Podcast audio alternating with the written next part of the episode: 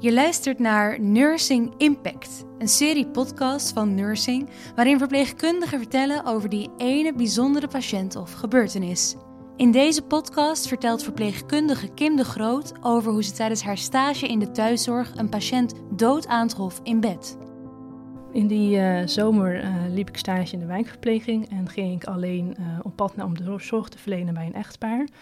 Er was een man en vrouw die bij ons in zorg zaten. Mevrouw lag beneden op een hoog laagbed om te slapen en die hielpen wij uit bed. En meneer lag boven te slapen.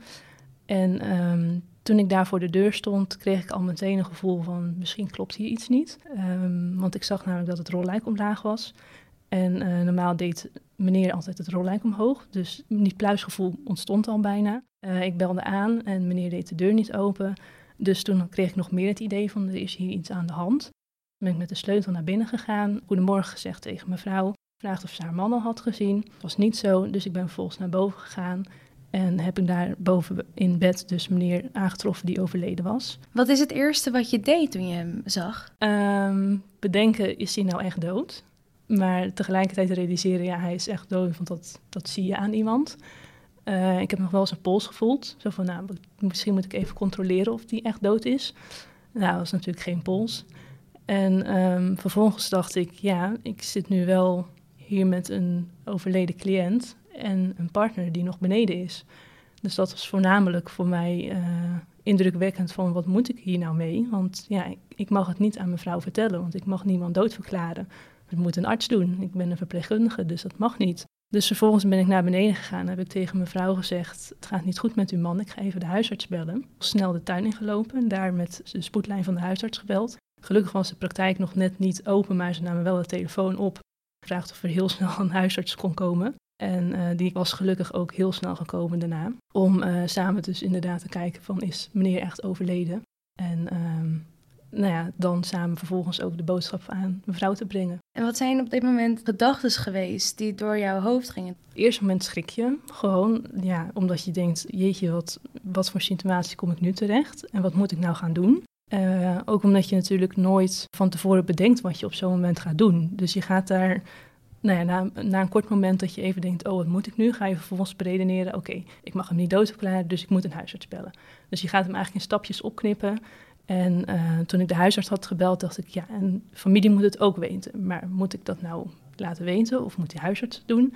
Dus toen wist ik het niet meer. En toen uh, heb ik ook een collega gebeld van, ja, weet je, ik sta nu in deze situatie. Um, ik weet niet zo goed meer wat ik moet doen. En ik weet dat ik hier dit heel veel tijd gaat kosten. Dus ik zit ook met mijn volgende cliënt, zeg maar, die op de route weer staat.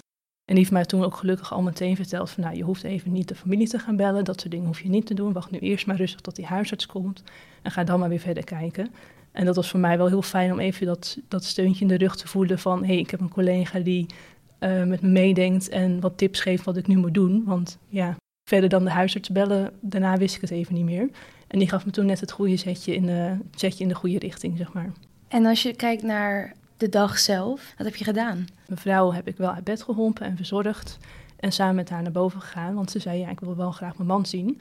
Dus toen heb ik mevrouw naar boven gebleid met, uh, met de traplift. En uh, haar daar even een momentje gegeven. En ondertussen was de familie stond aan te bellen, dus die, die heb ik binnengelaten. Uh, ook naar boven begeleid. Nou ja, daar is even de tijd gegund en ik ben even beneden gebleven. En uh, heb ik gevraagd of ik nog iets voor ze kon betekenen of dat ze hier uh, vanaf hier verder konden. En toen gaven ze aan, dat is goed zo, wij gaan het nu verder regelen. Nou ja, en dan ging ik weer over tot de orde van de dag, want ik dacht, ja, ik heb mijn route, dus ik, het was nog vroeg op de route, dus ik heb nog een hoop andere cliënten die op mij zitten te wachten. Dus ik ben naar buiten gegaan en uh, naar de volgende cliënt gereden. En ergens bedenkend van, oké, ik moet dit nog gaan verwerken, maar ik heb nu andere mensen die op mij wachten, dus die gaan nu voor. En het was wel voordat ik bij de voordeur van de volgende cliënt stond, kreeg ik een telefoontje van een collega. En die zei tegen mij van, gaan we naar kantoor, ga een kopje thee drinken en wij nemen je route over. En dat heb ik toen gezegd van, nee, dat, dat hoeft niet. Ik ga gewoon door. Volgende mensen wachten, dus ik werk gewoon door. Dus ik heb wel mijn route afgemaakt en uh, vervolgens daarna kwamen we altijd terug naar kantoor met z'n allen. Ja, daar zaten al mijn collega's al klaar, dus die hadden onderling al geregeld dat ze allemaal naar kantoor zouden komen en mij zouden opvangen. Um, wel met het idee van ja, dit is heftig, dus hier, die moeten we niet zomaar naar huis laten gaan, zeg maar. Dus die stonden klaar met de thee, zeg maar. Was dat voor jou ook een moment van besef? Ja, dat, nee, dat kwam wel toen ik op kantoor kwam en iedereen daar zag. En um, het was zo dat mijn begeleider dus zelf op vakantie was, dus die was er niet. En er waren andere wijkverpleegkundigen die kwamen erbij zitten van andere teams.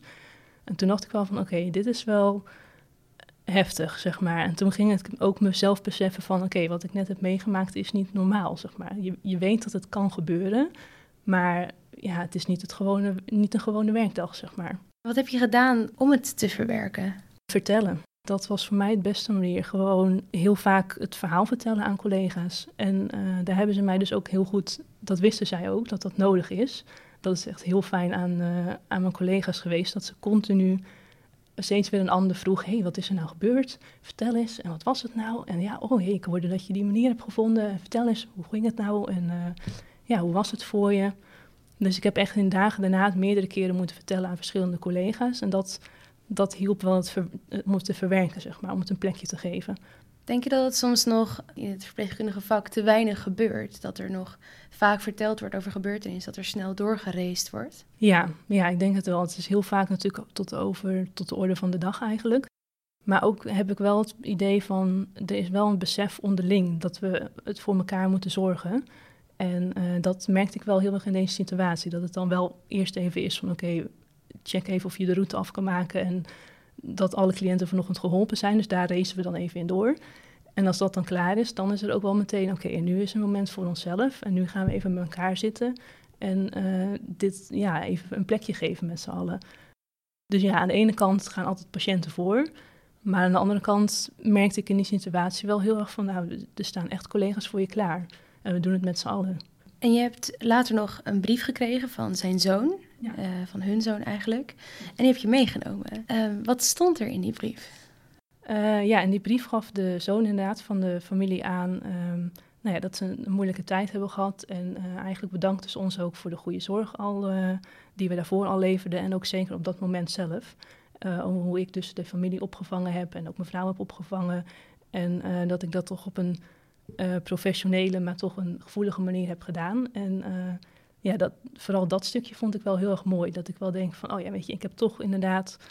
Als je dan later teruggaat, ga je denken van, nou heb ik nou wel goed de regeltjes gevolgd en heb ik het nou wel goed gedaan? En was ik ook wel gewoon inderdaad met empathie, uh, want dat is gewoon heel erg belangrijk in ons vak natuurlijk. En um, door die bevestiging in die brief, dat hij dat beide heeft genoemd, dat heeft me wel heel erg gesteund. Dat ik dacht van, oh ja, ik deed het wel op een professionele manier, maar ik heb toch ook wel laten zien dat ik mens ben en meeleef. Dat, uh, ja, dat steunde wel heel erg. Als je hier naar kijkt en kijkt wat, hoe je opgevangen bent, maar ook wat je geleerd hebt, uh, wat zou je anderen graag mee willen geven?